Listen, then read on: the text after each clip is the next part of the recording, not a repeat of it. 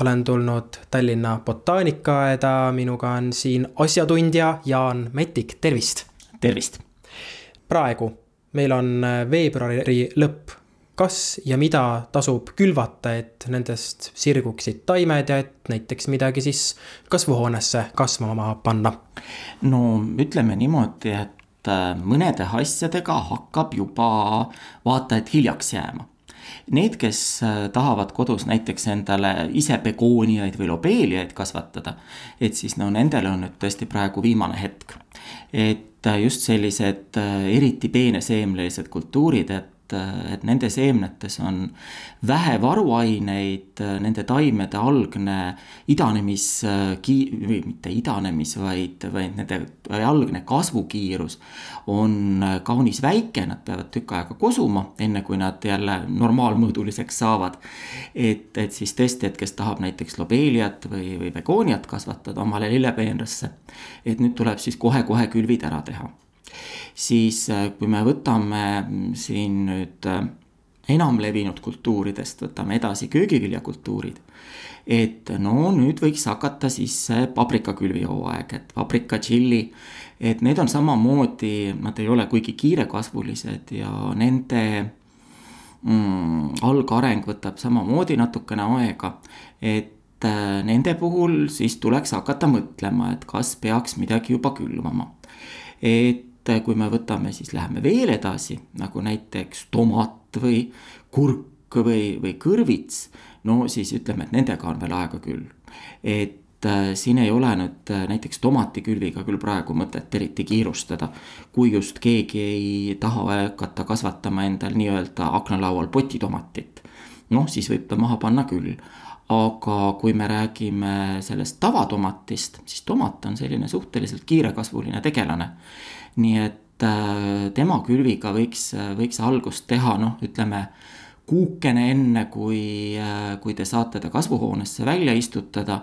ja kui äh, võtame siis noh, tavainimesel on ju kodus tegelikult reeglina kütteta kasvuhoone. ja siis ütleme, et ega enne mai algust ikka naljalt ei taha seda taime sinna kasvuhoonesse ka külmetama viia et noh, et siis tomatikülviga võiks siin kuskil märtsi lõpus, aprilli alguses algust teha aga alati on ju see küsimus, et millal siis no see täpselt õige aeg on, kuivõrd äh, kui ta liiga kaua, see taim mul seal äh, aknalaua peal on, et ta ei saa õigel ajal kasvuhoonesse, no see ka ju talle väga hea ei ole, et äh, see on selline paras mõistatus. no eks ta nii on, sellepärast et ega me ju ei tea ka seda, milline kevad tuleb. aga ütleme nii, et parem on alati no natukene oodata, et ega see toas, toas välja venimine hea ei ole ühelegi taimele.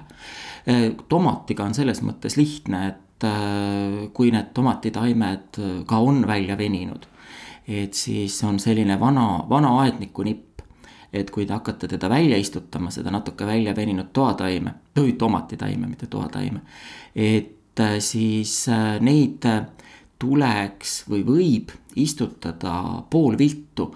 niimoodi, et äh, see varre alumine osa on äh, niimoodi mullapinna all. mitte niimoodi, et te istutate ta noh, kohe hästi sügavale, aga istutate ta niimoodi, tõesti niimoodi viltu, et äh, marre alumine osa jääks selline paari sentimeetri sügavusele mullapinnaga paralleelselt.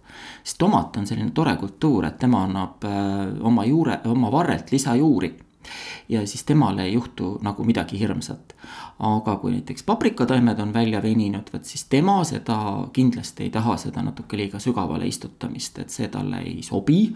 ja sellepärast noh, on paprika alati või tšilli on natukene sihukene pretensioonikam kultuur seemnetest ka ja nende usaldusväärsusest, et äh, võib juhtuda, et äh, lähen alt, kui ma näiteks kuskilt internetist äh, mingisugustelt veebilehtedelt, jumal teab kust, tellin seemneid, muidugi võib väga head kaupa ka sealt saada, et kuidas nende seemnetega nüüd toimida, et nendega niimoodi alt ei läheks no ega sada protsenti või kakssada protsenti, ütleme nii, garantiid ei saa Annaga kunagi äh, kõige väärikamad seemnekauplused, et eks neilgi juhtub inimlikke eksitusi ja, ja isegi suurtel tööstuslikel, tööstuslikel seemnekasvatajatel. aga see noh, seda tuleb vaata ikkagi sellise kerge huumoriga ja, ja noh pahapärast ei tee seda keegi. ja ükski suuri, suurtest soliidsetest äh, seemnefirmadest ei püüa teid teadlikult petta. et see on nüüd päris kindel.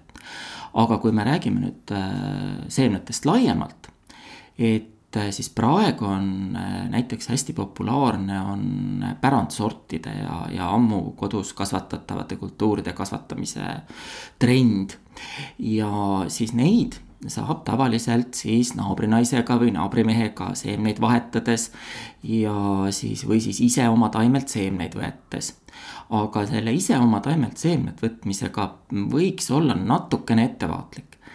sellepärast, et ähm, eriti kui te olete kasvatanud mingisugust äh, moodsat köögiviljakultuuri, mille paki peale on kirjutatud F1. et vaat sellistelt sortidelt äh, ei maksa neid äh, seemneid võtta sellepärast et ähm, nende järglased ei pruugi tulla samasugused äh, nagu need taimed, millelt te seemned võtsite. ja samamoodi äh, noh, ei maksa võib-olla ka seemneid võtta või ei saa kindlasti loota Äh, tulemusele siis, kui võtate seemneid äh, poest ostetud paprikalt või, või mingilt muult taimelt. aga miks ei, äh, see poest ostetud paprika, et tundub olevat ju põnev, et ostan sealt endale selle kena kollase paprika, leian sealt seemned, panen aga mulda ja siis loodan, et saan ka üks päev samasuguse. no vot, see ongi see, et me tegelikult reaalselt ei tea, mis sort see oli. ja kui see on siis see nii-öelda F1 hübriid siis äh, tulemuseks ongi see, et äh, noh, nagu me kõik oleme bioloogiatunnis õppinud geneetikat, et kui ristajalt ristatakse kaks äh, erinevat sorti, et siis nende esimene põlvkond on selline ühtlik ja sageli ka selline hea suure saagiga ja, ja väga tore aga et kui me siis juba selle esimese põlvkonna seemned omakorda maha külvame, siis tuleb geneetiline lahknemine ja siis on üks neljandik äh, seemnetest tärganud taimedest on nagu isa, üks neljandik on selline nagu ema ja umbes pooled taimed siis on midagi vahepealset nii et, äh, et kui me kindlasti teame, mis sordiga seal poes tegemist on ja me kindlasti teame, et see ei olnud F1 hübriid et siis loomulikult võib seda teha aga selles mõttes on ikkagi, kui on, võtame mingisuguse vanaema kasvatatud kurgi või vanaema kasvatatud tomati või vanaema kasvatatud herned. et siis nende puhul me võime olla päris kindlad, et, et sellised kolme-neljakümne aasta taguse tagused seemned reeglina tõenäoliselt ei olnud F1 hübriidid, nii et nendel võib rahulikult, rahulikult ise seemneid võtta küsiks äh, veel nende kasvatamise kohta ka, et kui ma nüüd selle seemne olen mulda pannud, on mul seal aknalaua peal kõik kenasti reas. Äh, tavaliselt mingi võikarpi olen pannud või kohupiima topsikesse ja siis millele peaks tähelepanu äh, pöörama. et sealt tuleks see kena taimeke, mille ma siis saan juba maha istutada no esimene asi on see, et enne kui te külvama hakkate, tehke natuke kodutööd. et kuidas seda asja konkreetselt külvata. rusikareegel ütleb, et äh, seeme tuleks külvata umbes pooleteise seemne sügavusele. et noh, mida suurem seeme, seda sügavamale panete. aga on siiski ka mõned sellised äh, kultuurid, mille seemned tuleks külvata mulla pinnale et noh, need on need nii-öelda valgusidanejad, et kui ma siin alustasin juttu begooniatest, siis näiteks begooniad on ühed sellised. noh, nende seeme on ka nii tolmpeen, et, et noh, seda mullaga katta oleks ka ime, sulaselge raiskamine. et, et vaadake, ega juhuslikult pole tegemist valgusidanejaga ja kui seda ei ole, siis tuleb ta panna umbes pooleteise seemne sügavusele. et ja siis tuleb teda ettevaatlikult kaasta ja jälgida, et see muld püsiks kogu aeg ühtlaselt parasniiske. kui sealt mulla seest hakkab midagi välja ronima, noh, ütleme mingi kõrvitsa kurgiga, kui on suured seemned, siis on juba hea lihtne, et nad saabki külvata natuke hõredamalt ja siis pole eriti vaja mm, vaeva näha. aga kui teil on mingisugused pisikesed, pisikesed näiteks lilleseemneid olete külvanud ja sealt tulevad väikesed taimed. et siis tasuks nad äh, pärast seda, kui nad maast on tärganud, äh, ettevaatlikult potist välja sikutada ja regulaarselt neid natuke hõredamalt laiali pikeerida.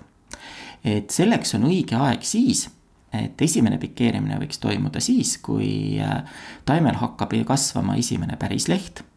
ja siis edaspidi siis äh, tuleks neid natuke laiali, laiemale pikeerida äh, sedamööda, kui äh, nende lehed hakkavad üksteist puudutama.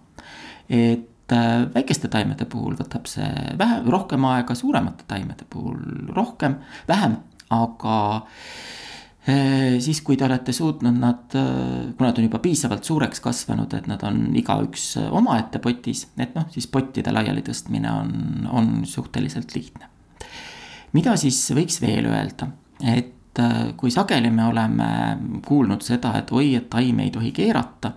et siis äh, oma idandid, kui nad äh, hakkavad tõesti aktiivselt lambi poole või valguse poole kasvama.